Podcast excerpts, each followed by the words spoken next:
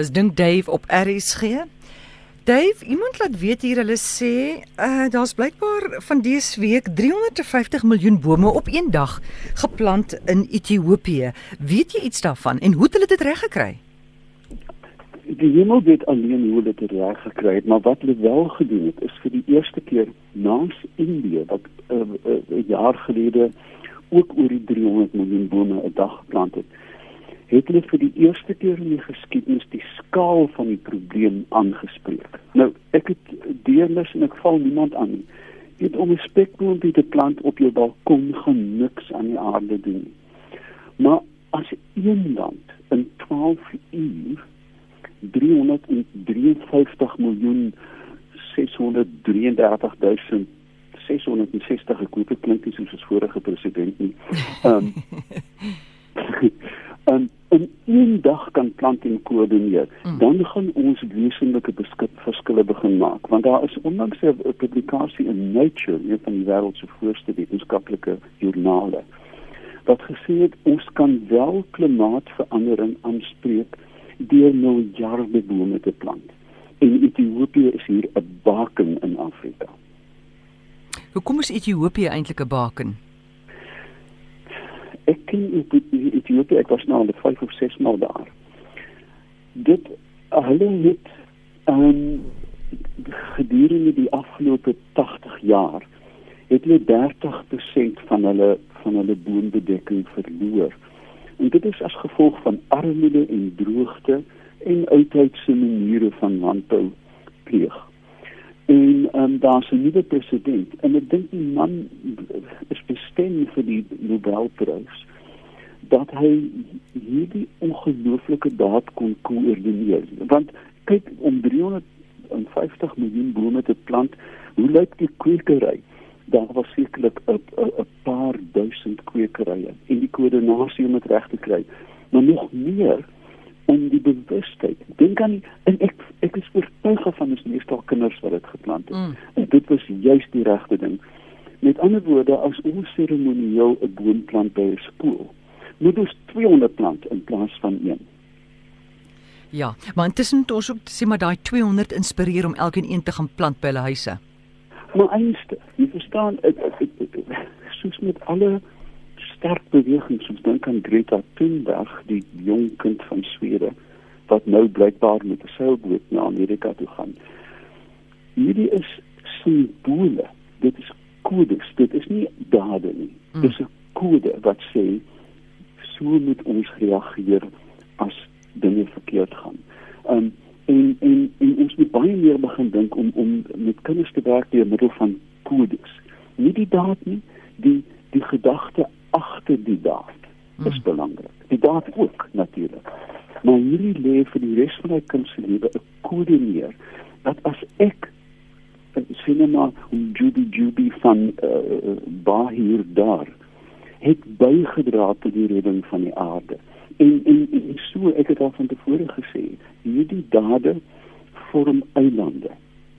En as ons genoeg eilande plant, uh figuurlik gesproke, dan gaan hierdie eilande aan mekaar begin raak mm. en dan gaan ons vaste lande kry en so gaan verandering kom. Vir die eerste keer in baie jare aan môre het ek hoop. As gevolg van Greta Thunberg se daad? Wel Greta, ek voel tog die stomme Greta, uh, jy weet uh, ek weet daar is um, sy het nie die kundigheid natuurlik om verandering te maak nie, maar sy het die stem en die teenwoordigheid. Mm. mm. Um, Maar ek ek dink ook dat hierdie saak ek het um, ek het 'n onderhoud gevoer met Bloomberg in Amerika daaroor. Ehm um, dat hierdie is groot sterk simbole mm. Vir die res van Afrika, vir die res van die wêreld om te sê dit kan gedoen word. En en juist daarom dink ek uh, hierdie bakens in die geskiedenis van die aarde. Ons nommer 0891104553 as jy met Dave wil praat. Chanat, goeiemôre. Hallo. Goeiemôre. Kom ons ah. met Amore praat. Ja, is Amore hier gesels maar met Dave? Goeiemôre. Ek wil net jou 'n gey vra. Sien vir my hierdie huisgekkels wat ons in Hierdie wat? Die die die huisgekkels wat in Natal is. Ja, die die klein geitjies. Ja. Daai klein geitjies. gee hulle met 'n eiertjie, kom dit 'n kleintjies met eiertjies of gee hulle 'n gelewendige geboorte? Amore, ek moet dit reg hoor, die die huisgeitjie. Ja. Ja, is hy is hy Ja, hulle lê 'n klein eiertjie wat byna Jemmel weet iemand nog wat tapioca is. Um tapioca. Tapioca, daardie um daardie uh, ons het altyd tapioca pudding gemaak, Ja. tapioca. Uh, Mm. uh dit is so groot en as ek nou na my vinger moet kyk, 'n 2 tot 3 mm deursnit spierwit eiertjie wat soms kleef aan 'n oppervlakte. En dan kom daai diep klein gaatjie daar uit. So hulle is wel eierleend. Goed, ek het hier 'n vraag. Iemand wil weet, hulle bly in Christiana naby in in in die Noordwes. Hoekom die groot streep swaalkies nie getrek het nie? Hier is twee by ons selle wat agtergebly het. Ja, kyk uh, ek kan nie alles toeskryf aan klimaatsverandering nie, maar as jy mens kyk na die algemene, daar's twee soorte voëls. Standvoëls, die wat jy die duif wat jou ehm um, stoep bemors, die morsie die muisvoël. En dan is daar trekvoëls. Nou trekvoëls uh, is gewoonlik inter-Afrika en en baie van die swaalkies spesies trek net na die ewenaar en terug soos blou swaalkies. Ehm um, en dan is daar die migrante wat reg oor kontinente heen gaan. Nou en dan bly van die voeltjies agter. Ehm um, ek weet byvoorbeeld van die dwergarend wat dit doen, uh, die wispedief ehm um, wat soms bly, daar's nou 'n paar in Kaapstad wat nie getrek het nie. So dit is nie buitengewoon nie, maar dit is nie in hulle aard nie. Mm. Ehm um, dit is baie interessant dat die swaalkies uh, wel gebly het. En 'n mens dink daar was heel moontlik genoeg kos of iets het in die koppie verkeerd gegaan, maar dit is nie onbekend nie. Ons neem nog 'n oproep. Charlotte, uit goeiemiddag. Amor. Hi. Amor. Jebo.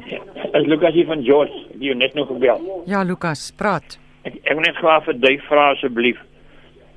Kan ek maar praat? Enige tyd? Wat loop? Hoor jy Duif?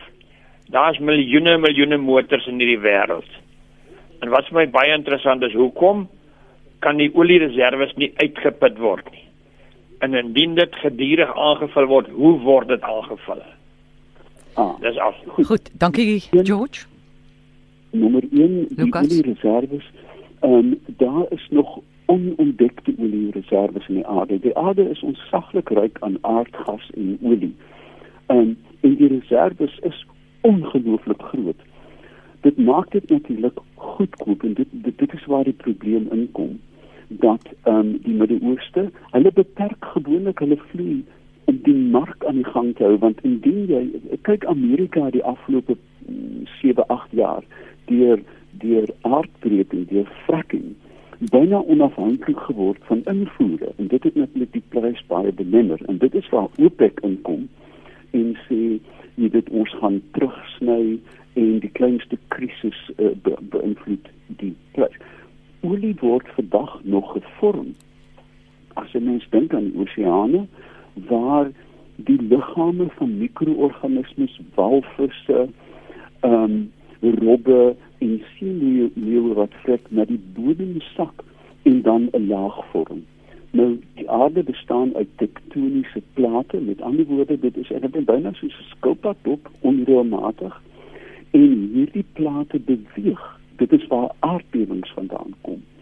En ehm um, oor miljarde jare heen of miljoen of honderde miljoene skuif hierdie ryk laag met organiese materiaal onder die mantel in en deur middel van ontsaglike druk en hitte word koolwaterstowwe gevorm. Met ander woorde, die aarde het nog altyd olie gehad en sal altyd olie hê, maar die aanvulling is net baie baie baie stadig. En met hedendaagse gebruik, ek dink ek, kan daar in die nabye toekoms in die volgende 20 jaar of so wel tekorte kom. Maar gelukkig is die tegnologie natuurlik hier met hibridmotors wat uh, al lankal bekend is. Ehm um, en ek vermoed stellig dat uh, as jy kyk na Elon Musk met sy Tesla motors dat binne die volgende 10 of na 15 jaar gaan daar lande wees waar daar suiwer elektriese motors rondloop Hmm. wat ehm um, wat volhoubaar herlaai word deur natuurlike energie, windenergie, um, sonenergie ensovoorts. Met ander woorde, om vraag te antwoord, die aarde het nog altyd olie gehad en sal altyd olie hê, maar die aanvulling is baie stadig. Van die Osopias kan mens sê skaliebreking was op die korttermyn goed vir Amerika? Ja, want dit het hulle onafhanklik gemaak van OPEC. En alhoewel die huidige president natuurlik verskriklik um die ou Afrikaanse woord gat kruip mm. by die um by die by die Midde-Ooste, jy weet uh, dit dit is 'n ongelyke verhouding. Daar was 'n keerpunt aan môre in 1911 toe die Britse vloot van steeds die Britse nie vloot nie die die Britse weermagvloot met aan oorgeslaan het van steenkool wat hulle ruim gehad het na na olie. En toe het die geopolitiek begin inspel dat hulle ingetree het in die Midde-Ooste om seker te maak dat hulle uh, voorrade van olie het. So die hele olie uh um verhoog mm. is die trek van geopolitiek. Goed, vragie van Cecile, sy sê wanneer ryp plante die maklikste dood? Is dit wanneer hulle nat gelei is en die plant vol vog is of wanneer hulle bietjie uitgedroog is? Of het die vog in die plant geen uitwerking op die feit dat hulle doodryp nie? Ooh, nou met 'n katvoet. Ek is nie heeltemal seker nie, maar kyk. Die daar is plante wat ryp bestand is. En hulle is baie belangrik vir en diere vriend genoeg, né? Diere wat oorwinter en winter slaap. Mm. En hulle word uh, van dopgehou deur die wetenskap om te kyk wat 'n natuurlike molekules van antivriesmiddel um kan kan vrystel in die plant om die plant te buffer. Jy weet al te goed dat as jy 'n koorsboom um, uit sy tropiese omgewing van Noord-Natal vat en jy vat hom na 'n plek wat swart ryp kry, weet ysige ysige ryp, dan gaan hy vrek. Dit beteken letterlik dat die selle binne in vries en ons weet dat as water wat vries sit uit en dan bars die sel. Met ander woorde die doodgaan is gebars in plantselle. En sekere plante het eenvoudig net meer weerstand natuurlike weerstand as ander. Um, en um, dit hang af uh, dit is ook natuurlik 'n geografiese ding. Uh, jy kan nie 'n petunia plant in die middel van die winter by Sutherland nie. Hy gaan die eerste nag doodryk. Maar jy kan byvoorbeeld 'n iets soos 'n melkbos uh, gaan wat van nature daarvoor is bestand. Hulle is van nature aangepas teen ryp. OK. Dave, ek gaan jou nou groet. Dis die laaste keer wat ek en jy gesels het.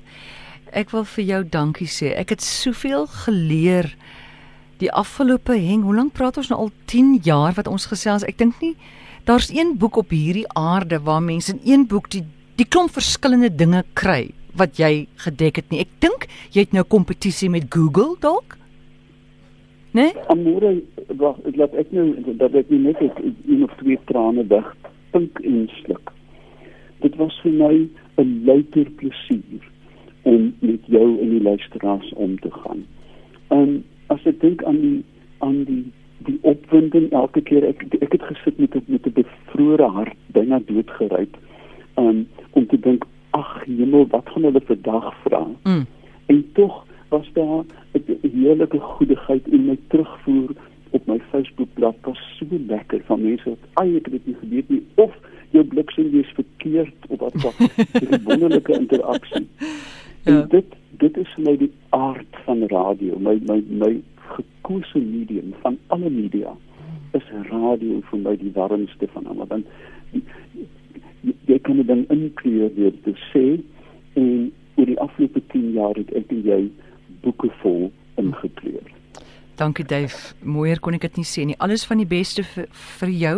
En ek wil net sê Dave Dave gaan nog weer bly in ons harte en in ons ore. Ehm um, skryf jy maar net intussen in vir ons e-nuusbrief om te kyk waar jy vir Dave gaan vang. Dankie Dave. Baie liefde. Wederom.